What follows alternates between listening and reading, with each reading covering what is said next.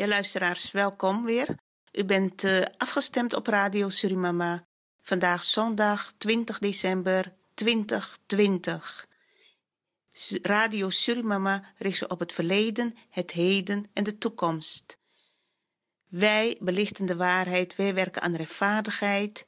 Wij belichten wat verzwegen wordt uh, omtrent de inheemse bevolking, zowel in Noord- als in Zuid-Amerika en Canada. Ja, luisteraars, u heeft het eerste uur kunnen luisteren naar uh, profetieën van de Mayas en de Hopis en ook andere informatie. Het tweede uur voornamelijk, uh, gaat u voornamelijk luisteren naar uh, een gedicht over Moeder Aarde van Nederland. Nog nooit gemaakt door niemand, Moeder Aarde van Nederland. Ik heb diverse gedichten over Moeder Aarde gemaakt. Moeder Aarde van Suriname, algemene boodschap voor Moeder Aarde in de wereld. Het gaat, draait altijd om respect en liefde tonen voor onze Moeder Aarde. En dat is de laatste tijd te weinig geweest. En uh, ja, het heeft gevolgen gehad. Ik heb ooit een gedicht gemaakt, geschreven ook over Moeder Aarde, oppergodin van vruchtbaarheid en harmonie. U bent van heilige waarde voor alle levende wezens hier op aarde. Zonder uw aanwezigheid hadden wij, uw kinderen, geen bestaan. U schenkt ons vele belangrijke voeding en genezende planten. Moeder Aarde, heel veel dank voor al uw goddelijke levenswaarden.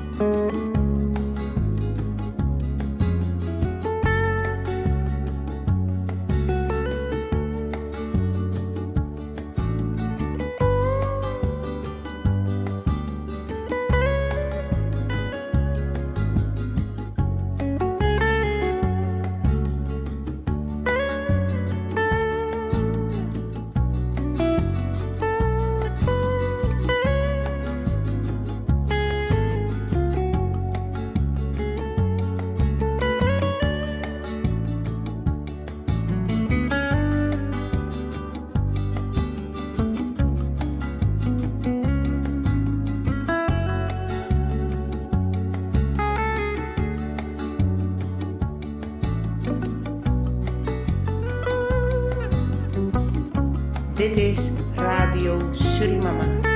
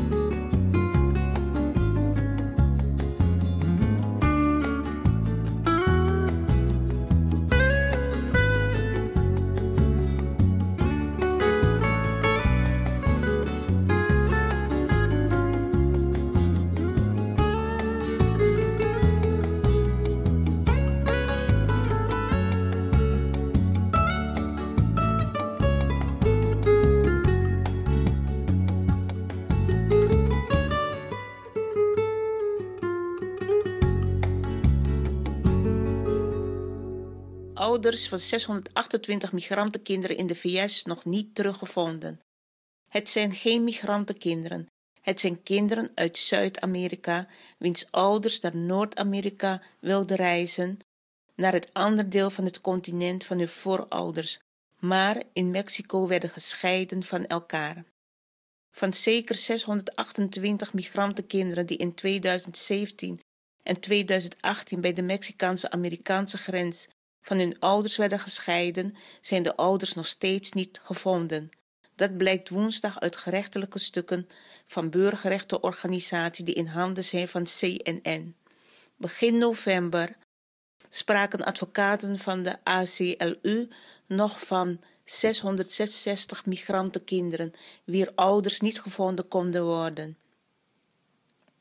Sindsdien kon de organisatie maar 38 kinderen weer herenigen met hun ouders.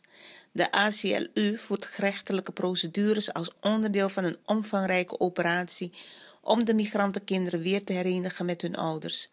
Van 168 van de 628 kinderen bij wie dat nog niet lukte, is wel al een ander familielid gevonden door de advocaten van de burgerrectorganisatie. Uit de stukken blijkt dat de regering een database met adres en contactgegevens van de families gaat overhandigen. We vragen ze al eeuwen om alle extra aanknopingspunten die ze hebben. Ouders een advocaat van de burgerrechtenorganisatie tegen CNN. Veel ophef over beleidsmatig scheiden van migrantengezinnen. De Verenigde Staten begonnen in het voorjaar 2018 met het beleidsmatig scheiden van migrantengezinnen. Nadat er alom schande was gesproken over beelden van huilende kinderen in kooien, besloot de regering de praktijken na zes weken weer te steken, behalve in gevallen waarin de ouders een risico voor hun kinderen vormden. Aankomend president Joe Biden noemde het beleid van de regering Trump misdadig. In een van de verkiezingsdebatten gaf hij dat aan. Biden heeft beloofd dat hij met een presidentieel decreet een werkgroep zal samenstellen om de migrantenkinderen zo snel mogelijk weer met hun ouders te herenigen. Nou, we wachten af wat deze meneer Biden gaat, werkelijk gaat doen. Of hij ervoor gaat zorgen dat de ouders weer herenigd worden met hun kinderen. De vraag is wel natuurlijk van hoe erg deze meneer het meent, of hij het serieus meent met de oorspronkelijke bewoners. Want in zijn dankbetuiging speech uh, noemde hij de eerste bewoners van het land pas als laatst. Die werden pas als laatst benoemd in zijn overwinningsspeech, terwijl ze massaal op hem gestemd hebben. De tijd zal het verder uitwijzen.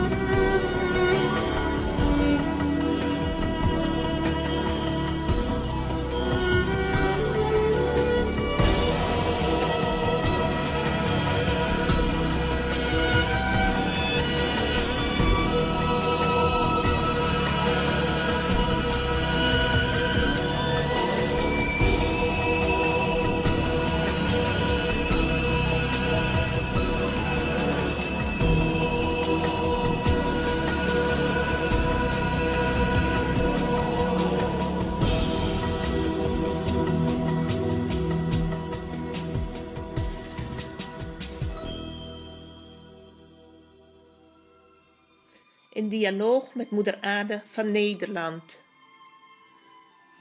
Moeder Aarde van Nederland. Door een virus is de hele wereld en het land uit balans geraakt. En geen menselijke macht die hiertegen in kan gaan. Van de mens wordt acceptatie voor de grote verandering van leefwijze gevraagd. Ook de economie, waar de overheid altijd zo aan vasthield, is grotendeels verzwakt. En velen zich nu afvragen hoe het verder met de toekomst zal gaan. Moeder Aarde van Nederland. Het grootste deel van het welvaartvolk is eigenlijk het contact met u kwijtgeraakt en hierdoor ook ver van zichzelf komen te staan. Dit is generaties lang zo doorgegaan. Misschien dat door het virus mensen nu meer bewust worden van uw bestaan. Kinderen is geleerd meer vanuit hun verstand te leven dan vanuit hun hart. Ook wordt de wereld geregeerd vanuit de mannelijke macht dan vanuit de vrouwelijke kracht. De vrouwelijke kracht waaruit tenslotte iedereen ter wereld wordt gebracht. Moeder Aarde van Nederland, door u wordt in het weggeven van uw rijke natuurvoeding en natuurschoonheid totaal geen onderscheid gemaakt. Hierdoor wordt ook niemand onrecht aangedaan. U staat voor eerlijk delen en voor algemeen belang. Doch het is een overheid die de bevoegdheid heeft genomen en bepaalt dat er voor uw grond dient te worden betaald. Moeder Aarde van Nederland, het is moeilijk voor een welvaartvolk de verbinding met u te voelen en u te noemen bij uw naam. Doch natuurvolken voelen de verbintenis met u sterker aan en zijn ook bewust van uw belangrijke levenskracht. Ze weten ook dat het om een wisselwerking gaat. U zorgt goed voor ons en wij dienen ook goed voor alles om u heen te zorgen. Doen wij dit niet, dan heeft dat voor onze eigen gezondheid gevolgen. Moeder Aarde van Nederland, in deze tijd van noodzakelijke verandering is het van groot belang dat uw bestaan wordt gewaardeerd en wereldwijd respect met u wordt omgegaan, zodat het natuurvolk er niet alleen voor staat. En wij beseffen dat wij allen afhankelijk zijn van uw grote levenskracht.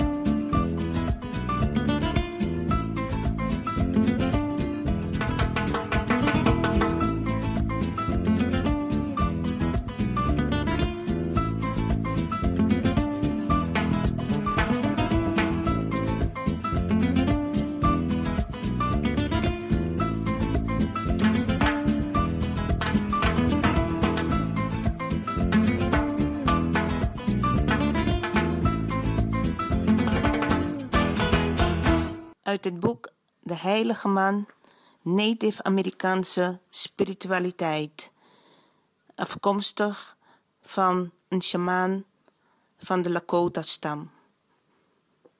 Het gedicht of de boodschap Ik ben een rots. Boodschap van een rots, onderdeel van de natuur, onderdeel van Moeder Aarde. Ik heb leven en dood gezien ik heb geluk gekend, zorgen en leed. Ik leid een rotsen leven. Ik ben een deel van onze moeder aarde, de aarde. Ik heb haar hartenklop in de mijne gevoeld. Ik heb haar pijn gevoeld en haar vreugde. Ik leid een rotsen leven. Ik ben een deel van onze Vader, van dit grote geheim. Ik heb zijn zorgen gevoeld en zijn wijsheid. Ik heb zijn schepselen gezien, mijn broeders, de dieren, de vogels, de sprekende rivieren en winden, de bomen, alles wat op aarde is, de broeders en zusters, en alles wat in het heelal is. Ik ben verwant met de sterren. Ik kan spreken als je tot mij spreekt. Ik zal luisteren wanneer jij praat. Ik kan je helpen als je hulp nodig hebt. Maar verwond mij niet, want ik voel net als jij. Ik heb de kracht om te genezen, maar die zul jij eerst moeten zoeken. Misschien denk je dat ik maar een steen ben, die daar zwijgend en bewegingloos ligt op de vochtige grond. Maar dat ben ik niet. Ik ben een deel van het leven. Ik leef. Ik ben een deel van Moeder Aarde. Ik leef.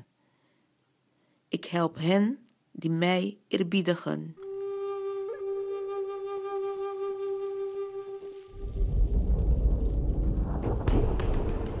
I am everyone who ever died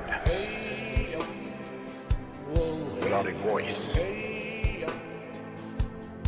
Are a prayer, are a hope, are a chance. Everyone who ever suffered for being an Indian, for being human, for being indigenous, for being free, for being under, for being committed. I am every one of them every single one.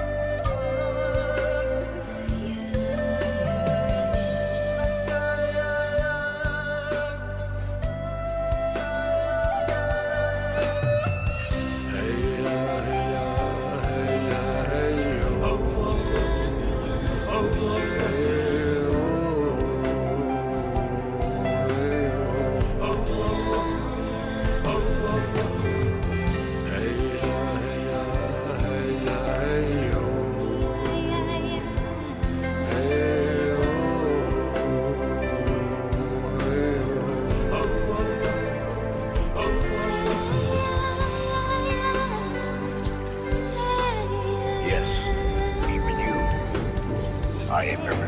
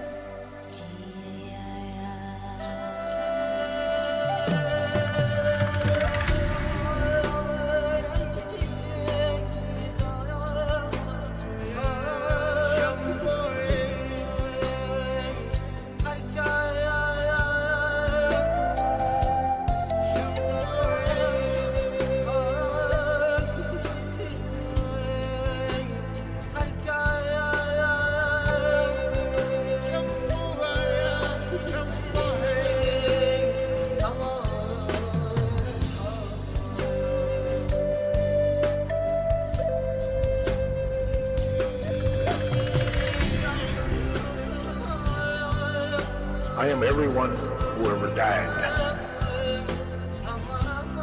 without a voice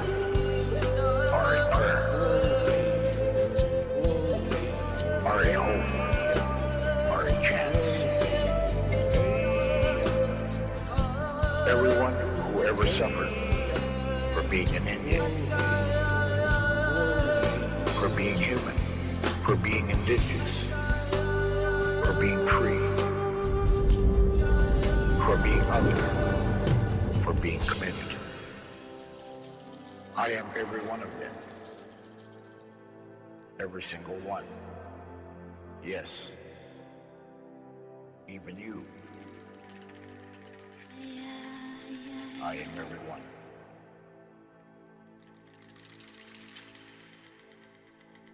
De Pax Americana is gebouwd op de grootste genocide ooit. De genocide op de oorspronkelijke bewoners van Amerika is geen incident, maar een onderdeel van langdurig Amerikaans beleid. De Pax Americana en de overbodige mens, de genocide op de Native Americans, is geen incident, maar een onderdeel van de ware Amerikaanse aard, die nu onder Trump nog duidelijk zichtbaar wordt. Ik bedoel de genocide waar nooit over gesproken wordt en waarmee niemand de ander de maat neemt, zoals met de Holocaust. Waar heb ik het over? 22 maart 2018. Artikel in trouw van Serf Wimmers. Onlangs besloot de Tweede Kamer de Armeense genocide te erkennen. Het is een interessant en relevant debat. Maar ook interessant is de vraag waarom de Kamer het niet heeft over de allergrootste genocide ooit, ook uitgevoerd door een NAVO-bondgenoot. Dat is de genocide op de oorspronkelijke bewoners van Amerika. Bij de aankomst van Columbus woonde een vijfde deel van de wereldbevolking op het westelijk halfrond. De kolonisatie had echter desastreuze gevolgen voor de inheemsen. In Noord-Amerika werd het aantal van 12 miljoen in het jaar 1500 gereduceerd tot enkel honderdduizenden in 1900. Zo stelt de Amerikaanse onafhankelijkheidsverklaring dat alle mensen gelijk zijn, maar wordt er ooit gerept over de meedogenloze inheemse wilden? Als je zo je land begint, kan het niet goed gaan. De door Donald Trump bewonderde Andrew Jackson verklaarde dat inheemsen inferieur zijn en moeten verdwijnen. Theodore Roosevelt vond dat de enige goede inheemse een dode indiaan is. Deze ideeën werden in de praktijk gebracht. Inheemse werden gedeporteerd, zoals de Trail of Tears, waarbij 4000 Cherokee omkwamen. Dorpen werden uitgemoord, zoals bij Sand Creek, waar kolonel Chivington ook kinderen liet doden. Want neten worden luizen, zei men. Velen kwamen om door Europese ziekten, soms bewust verspreid onder inheemse gemeenschappen. Ook werden bisons opzettelijk uitgemoord om inheemse te breken. De kolonisatie had dus desastreuze gevolgen voor het aantal inheemse in Noord-Amerika. En dit was geen onafwendbare pech, maar bewuste uitroeiing om plaats te maken voor de Europese beschaving. En dan heb ik het nog alleen maar over Noord-Amerika, wat de Spanjaarden hebben uitgehaald. In Midden- en Zuid-Amerika is een genocideverhaal op zich. De nieuwe rechtspopulistische partij Fox in Spanje zal kwijlen van genot bij het lezen hoe de christenen de ongelovigen eronder kregen. Nederland is gebonden aan het genocideverdrag en de VN-verklaring over de rechten van inheemse volken. Maar dat legt in verhouding ten opzichte van onze NAVO-bondgenoot Amerika geen enkel gewicht in de schaal en dat is verontrustend. Hoe kan het dat wij een land dat zich graag voorstaat leider van de vrije wereld te zijn, zo lang zijn gang hebben laten gaan? Ik hoef alleen maar de Monroe-doctrine aan te halen die nog steeds wordt toegepast en het mag duidelijk zijn wat ik bedoel. Amerika voor de Amerikanen. Midden- en Zuid-Amerika zijn de achtertuin van de Verenigde Staten. Daar maken zij de dienst uit en daar doen zij wat ze willen. En ik ben niet de enige die dat vindt. En is het daarom verbazingwekkend dat mensen uit de volledige verscheurde en falende democratie weg willen? Ik vind van niet. Trump en zijn trawanten wel en houden als straf voor de vluchtelingenstroom alle hulp aan de landen van herkomst in. Bizar, alsof dat zou helpen. The Trail of Tears, all over again. Waar ik mij het meeste zorgen over maak, is dat we de wetenschap vervatten in de inheemse cultuur en de wijze waarop zij het Noord-Amerikaanse continent bewoonden, zonder het volledig aan de mens te onderwerpen, voor altijd uit het collectieve bewust zullen verdwijnen. Ausradieren, zoals de Duitsers zeggen, terwijl we die notie best heel hard nodig kunnen blijken te hebben, wil de mensheid overleven. Inheemsen hadden geen tomtom -tom om de weg te kunnen vinden. Daarnaast is onder het bewind van de Republikein van Trump de USA uitgebreid met de staat Israël, niet als slachtoffer, maar als de 51ste staat van Amerika. De Amerikanen beschouwen de Joden als oerchristenen en zij dienen het als Amerika zelf ten koste van alles beschermd en gesteund te worden. Iedereen die daar anders over denkt, zal worden gestraft. Vooral ook de go-west mentaliteit van de settlers op de Westbank, waaronder veel van Amerikaanse origine, lijkt de Republikeinen aan te spreken. De vergelijking van het lot van de Palestijnen en de inheemse dringt zich dan ook onafwendbaar aan mij op. Er zijn natuurlijk democraten in Amerika die er net zo over denken als ik, maar het lijkt alsof, net als de rest in de wereld, nationalisme en fascisme aan de winnende hand zijn. Iets dat onafwendbaar tot oorlog gaat leiden. Ik vrees dat onder Trump de ware aard van Amerika naar buiten komt. Hoe kan het toch dat Zuid-Amerika onder de bezielende leiding van Amerika niet een welvarend werelddeel is geworden. Gewoon uitbuiting door de Amerikaanse bedrijven misschien. De rest van Amerika is slechts een windgewest geweest. Het tot inheemse bestempelen van tegenstanders werkt nog steeds door in de buitenlandse politiek. De Amerikanen beschouwen niet-Amerikanen al gauw als inheemsen. Neem bijvoorbeeld Iran met zijn eeuwenoude cultuur, waaronder prachtige dichtkunst uit de Sofihoek. De oerchristenen uit Israël, wiens geloof oorspronkelijk uit Perzië komt, beschouwen dat dit Iran als een gevaar en dus dient het fundamenteel kapot gemaakt te worden. Iran bezet voor zover ik weet geen buurlanden, met als rechtvaardiging dat God dit zo bedoeld heeft, en heeft geen kernwapens die Israël wel heeft. Ik ben bang dat als Europa niet naar de pijpen van Amerika gaat dansen, zeker wat betreft de Palestijnse kwestie, dat ook Europa voor de Amerikanen een cultuur wordt die je kapot moet maken. Dat de Amerikaanse methode van idealisering op de lange den duur zeker werkt, kan je ook zien aan wat Israël doet op de Westbank en in Gaza, knechting van de bevolking en vooral het creëren van de overbodige mens. Na de afschuwelijke holocaust op de Joden is Israël een hoeksteen van Amerikaans beleid geworden. De genocide op de inheemsen speelt geen enkele rol, terwijl de holocaust een moreel toetssteen over de gehele wereld is geworden. Heel merkwaardig is dit. Amerikanen, zo horen we te pas en te onpas, hebben West-Europa bevrijd ten koste van 150.000 dode soldaten. Hulde en dankbaarheid daarvoor. Ambassadeur Hoekstra stond onlangs nog op televisie ostentatief met een D-Day-vlag te zwaaien om ons daaraan te herinneren. Maar laten we ook deze zaken in een juist perspectief plaatsen. De Duitsers zijn verslagen door de Russen ten koste van 25 miljoen Russische slachtoffers, waaronder 15 miljoen soldaten. Honderd keer zoveel als Amerikaanse slachtoffers dus. Iets wat we zelden herdenken, omdat het communistisch is. Eigenlijk inheemse dus. Waarover men spreken kan, daarover moet men niet zwijgen.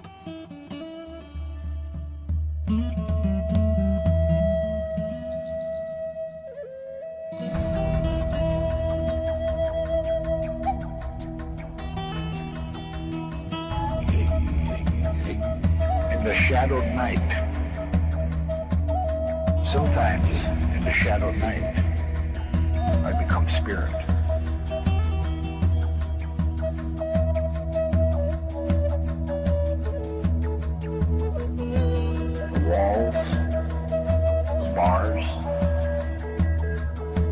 The dissolve into light, and I unloosen my soul and fly through the inner darkness of my being. I become transparent, a bright shadow, a bird of dreams,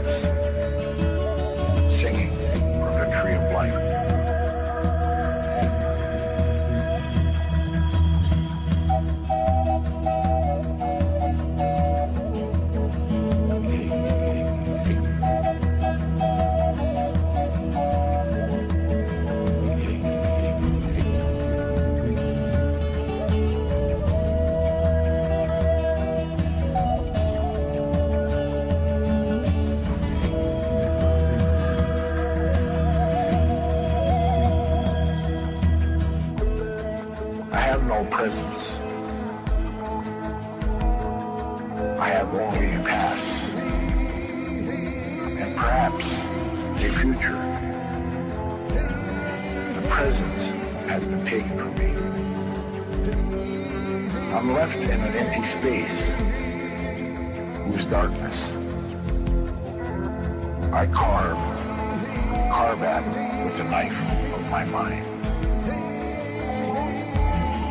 I must carve myself anew out of the razor wire of nothingness.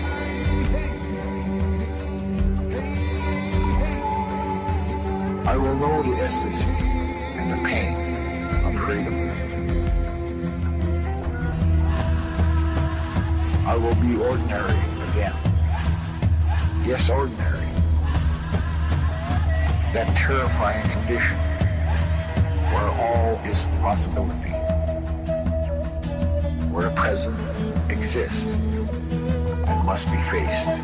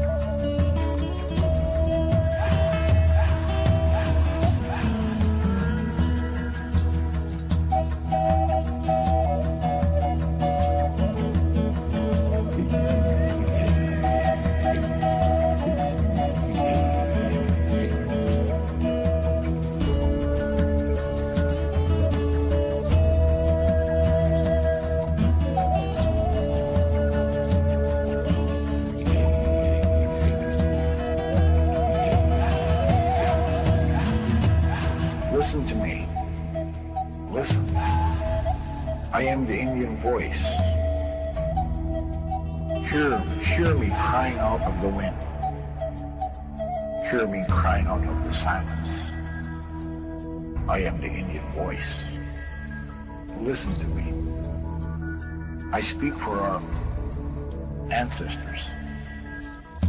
They cry out to you from the unstill grave. I speak for the children yet unborn. They cry out to you from the unspoken silence. I am the Indian voice. Listen to me. I am a chorus of millions. Hear us. Our eagle cry will not be still. We are your own conscience calling to you. We are yourself. crying unheard within you. Let my unheard voice be heard. Let me speak in my heart, and words be heard, whispering on the wind. To all who care, to all with ears to hear and hearts to beat as one with mine.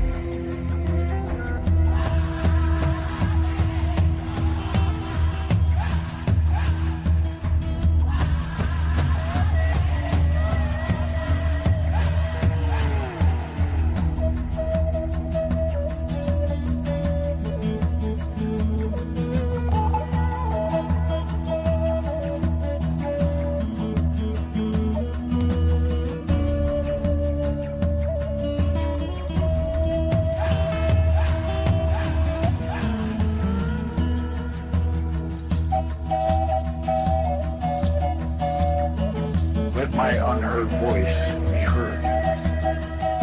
Let me speak in my heart, and the words be heard, whispering on the wind to millions.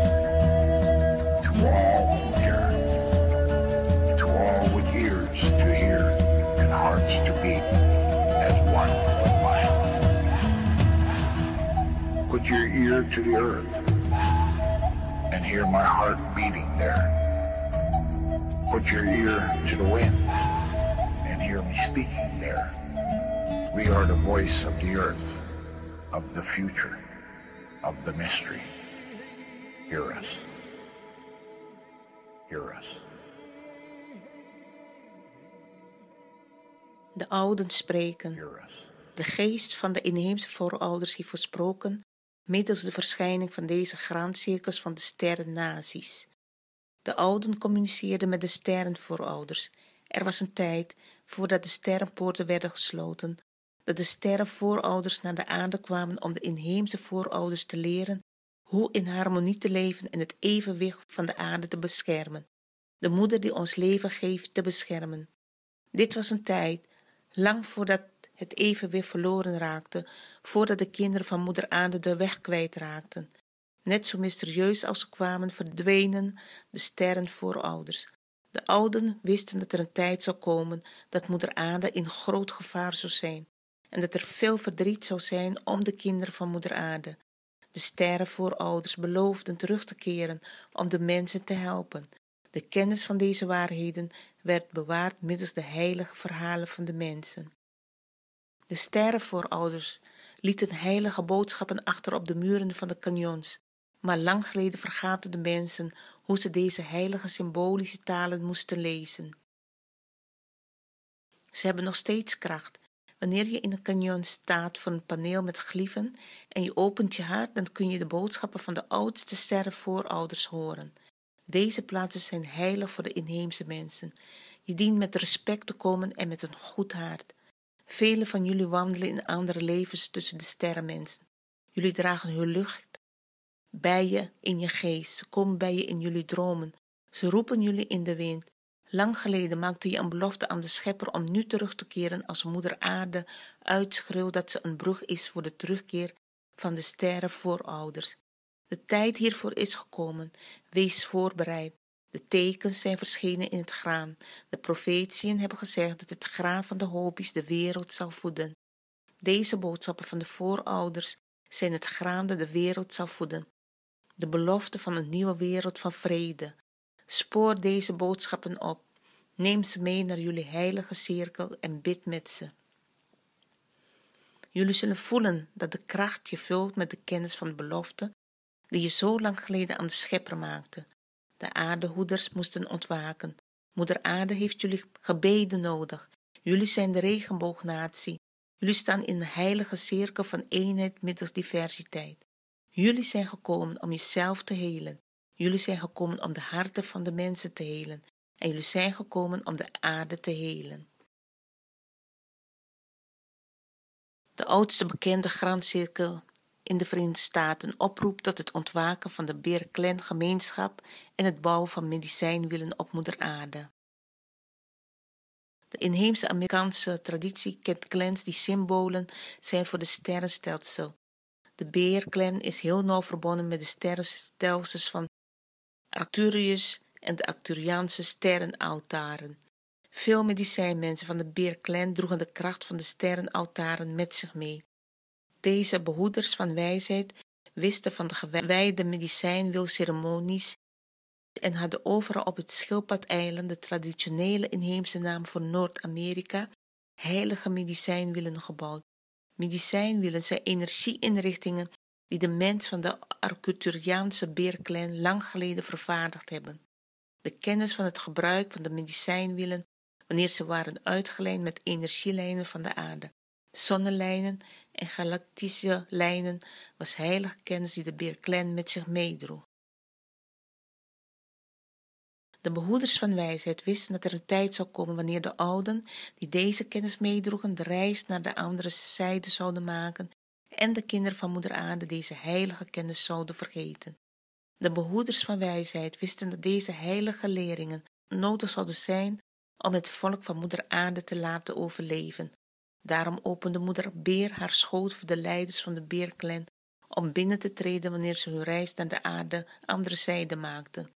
Ze hebben gewacht om terug te keren, om de heilige liederen, ceremonies en leringen van de medicijn willen over het bewaren van het heilige evenwicht terug te brengen.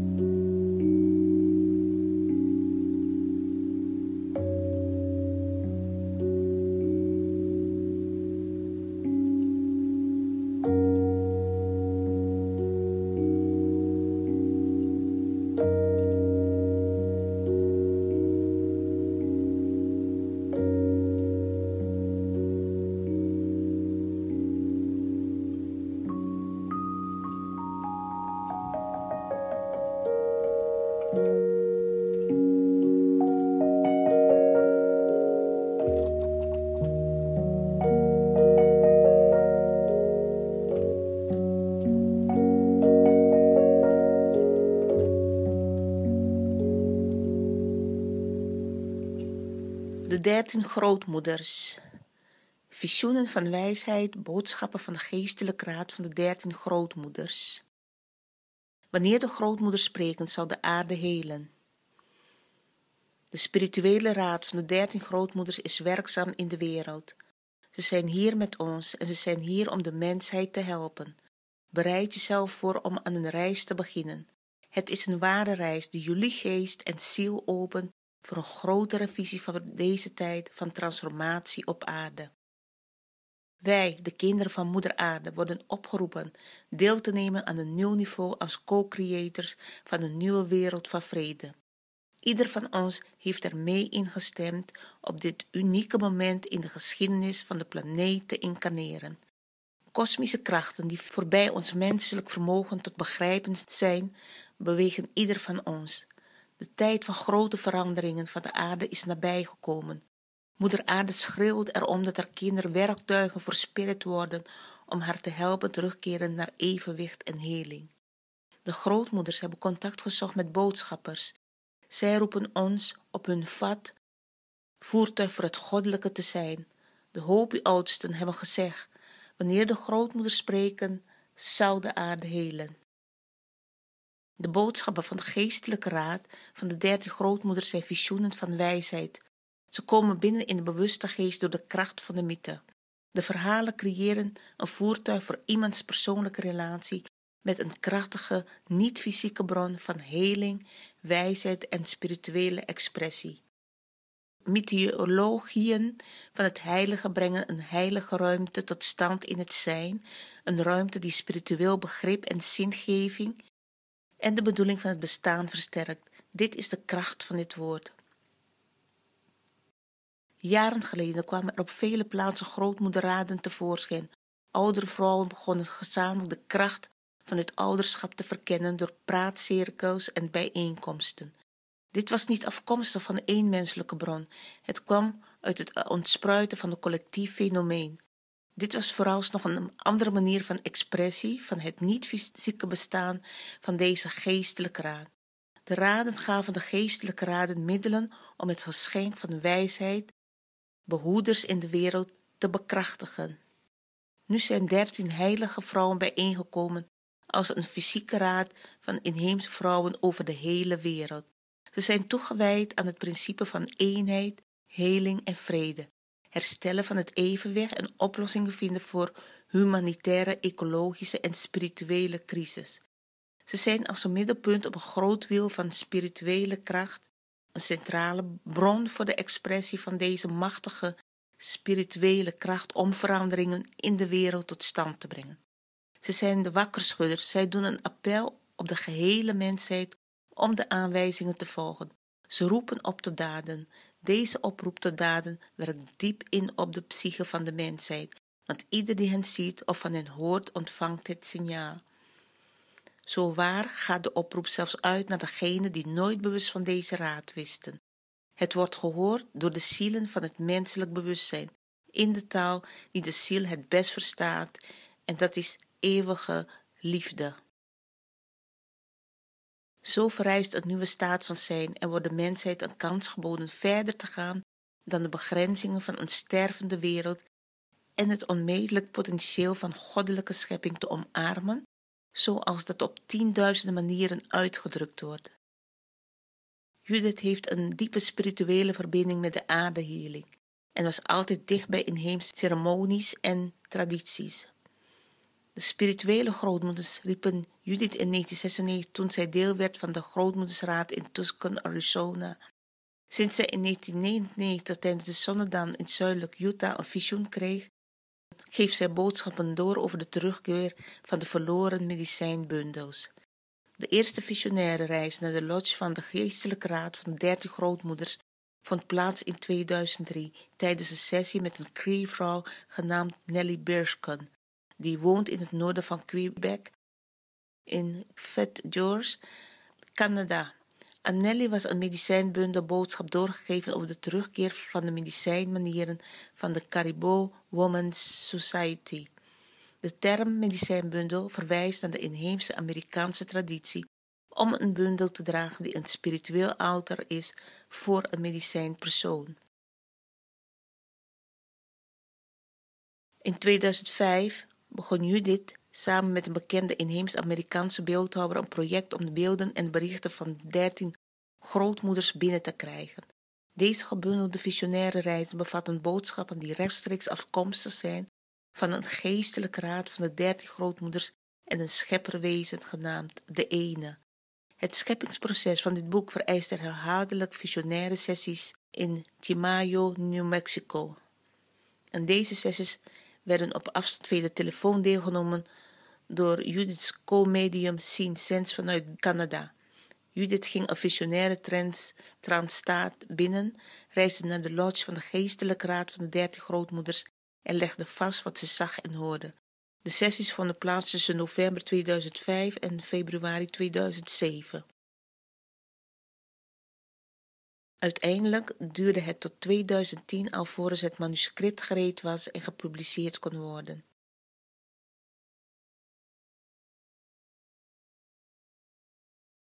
Weet dat schrijven niet de manier van grootmoeder is. Het is de weg van wijsheid en de weg van de mondelinge traditie. De boodschappen worden gecommuniceerd middels de spirituele taal van de ziel. Door de hele geschiedenis heen is heilige kunst een middel geweest voor de geest om te focussen op de kracht van het goddelijke.